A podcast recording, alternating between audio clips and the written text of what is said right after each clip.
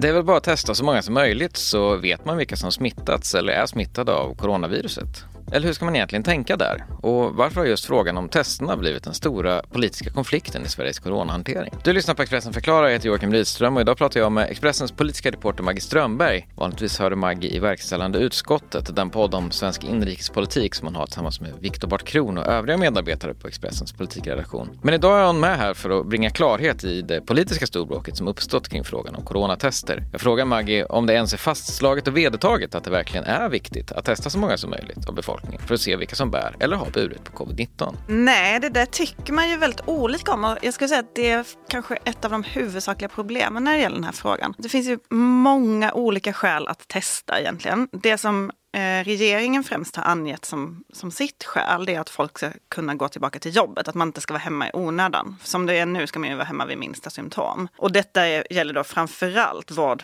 personal och andra samhällsviktiga tjänster. Men det som däremot det, det pratas ganska mycket om i debatten nu och på ledarsidor och sådär, det är ett helt annat syfte som handlar om att dämpa smittan. Alltså att ha mycket tester som en del av strategin för att bli av med smittan. Att man ska gå in väldigt liksom riktat i kanske vissa områden, testa alla, isolera och sen smittspåra. Och det var ju den strategin som Folkhälsomyndigheten hade från allra första början när de här sportlovsresenärerna kom hem. Mm, mm. Då jobbade man så. Men sen när man insåg att smittan var mycket bredare i samhället, dels kom det folk från andra länder än de som eh, WHO hade listat som var smittade. Dels verkade folk bli smittade i Sverige. Då räknar man fram på Folkhälsomyndigheten att man skulle behöva testa 30 procent av befolkningen, för det är så många som har förkylningssymptom. Och den kapaciteten fanns inte alls vid den tidpunkten. Men det finns ju också an, ännu fler skäl till att testa. Ehm, alltså att eh, folk själva bara vill veta, har jag varit sjuk eller inte? Efterfrågan är ju ganska stor bland vanligt folk på detta, men också forskare som vill veta mycket mer om smittan. Hur ser den ut? Var finns den?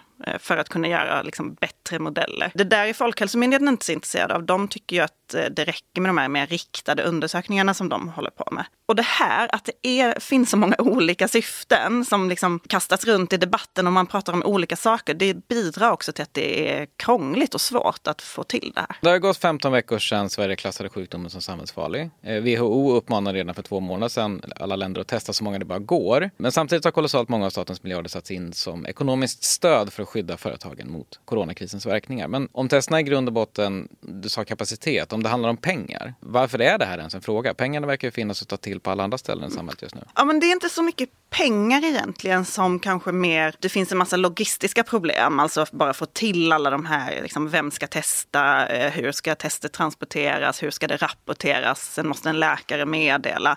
Det finns massa logistiska krångel, det finns företag som inte har hunnit bli godkända än för att göra det här trots att de tycker att det, om någon bara trycker på knappen så är de beredda och sådär. Absolut kommer det kosta mycket pengar men det är nog inte det huvudsakliga problemet. Och från regeringens håll kan man ju se att pengar spelar in på så sätt att enligt våra källor så är det Finansdepartementet framförallt som har legat på för att det här projektet ska komma igång. För att de ser ju att det kostar pengar när folk stannar hemma från jobbet i onödan. Då är det mycket bättre att man kan testa och, och låta folk vara hemma bara när det behövs. Om man ska försöka förenkla det här rent politiskt, det är svårt att förenkla kanske för en stor fråga, men vad vill regeringen göra i det här och vad vill oppositionen göra? Alltså varför är de inte överens? Egentligen så är politikerna överens och det är det som är lite lustigt här. Pratar man med socialutskottet till exempel, där ju sitter eh, ledamöter från alla riksdagens partier, så har alla hela tiden tyckt att det är väldigt viktigt med tester och man har drivit på för det här. Det som har hänt är att Ulf Kristersson väldigt tidigt, alltså moderatledaren, fastnade för testfrågan. Han började driva det här redan på första mötet.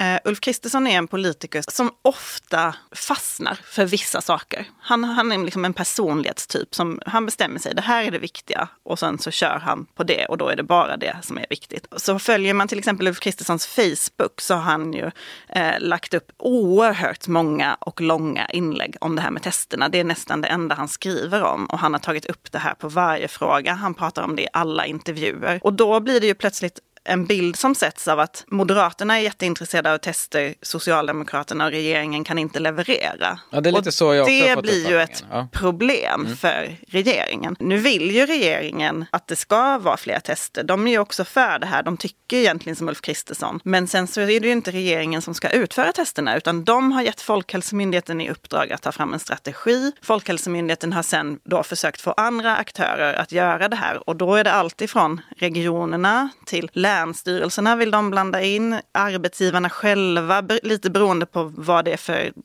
person som ska testas, om du befinner dig i vården eller om du bara är en vanlig person som inte liksom är så pass sjuk eller som inte heller jobbar i vården. Och det där är också en del av Ulf Kristerssons kritik. Då tycker han att här måste regeringen kliva in mycket tydligare och ta kommandot. Och det försökte då regeringen göra genom att tillsätta den här testkoordinatorn för en och en halv vecka sedan. Så egentligen är alla överens. Det är det, det vi kan säga då politiskt. Men ja.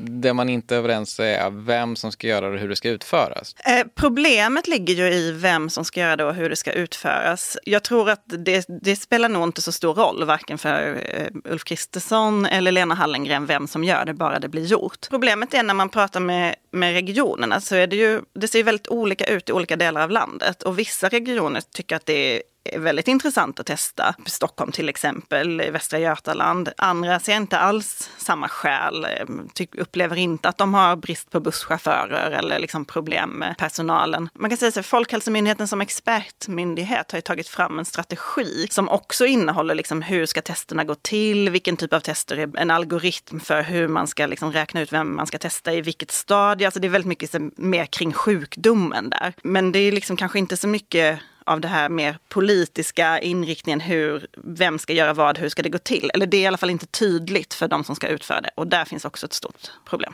Det har ju riktats kritik mot vissa privata aktörer då i det här som erbjuder coronatest dit många privatpersoner också vänder sig för att testas. Kan man se vissa politikers krav på test som, ett ren, alltså som en ren populistisk åsikt som sätt att öka sitt stöd inför vissa väljargrupper? Det skulle man kunna göra. Jag tror inte det är riktigt så enkelt och jag tror kanske inte heller att det hänger ihop med de här företagen. Kritiken mot de där företagen handlar ju mest om att de här testerna hittills inte är tillräckligt tillförlitliga. Det är inte helt säkert att de visar rätt. Folkhälsomyndigheten brukar säga att man kan inte använda dem på individnivå utan man behöver testa många och så kan man vikta för felmarginalen och sådär. Det är ju alldeles tydligt att väldigt många människor är intresserade av att testa sig och veta om man är immun, om man kan liksom börja leva sitt liv på ett annat sätt igen. Där har ju testfrågan en politisk sprängkraft för väljarna. Alltså vill, vem driver på för det här? Vem misslyckas med det här? Det spelar, kan ju spela stor roll där. Men eh, jag skulle inte säga att det är populism på det sättet att man liksom driver det här utan att tro på det själv eller så, bara av taktiska skäl. Utan jag tror nog att de som driver det tycker också att det är väldigt viktigt. Jag levde lite i villfarelsen att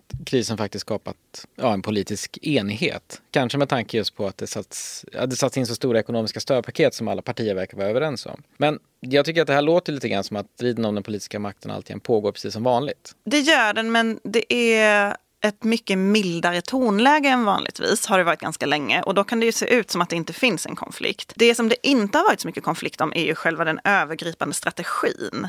Alltså, Sverige har ju en väg som sticker ut en del och som får mycket kritik internationellt. Men det finns ju inte en jättestor politisk diskussion om den i Sverige. Det är ju inte tydligt vilket parti man ska rösta på om man är missnöjd med den väg och den strategi Sverige har valt, till exempel. Däremot tycker jag att man kan se när man pratar med partierna att eh, många är intresserade av att höja konfliktnivån. Eh, det är ju liksom det naturliga stadiet för politik. Eh, testfrågan har blivit en sån fråga. Det är också en ganska enkel fråga att driva konflikt om.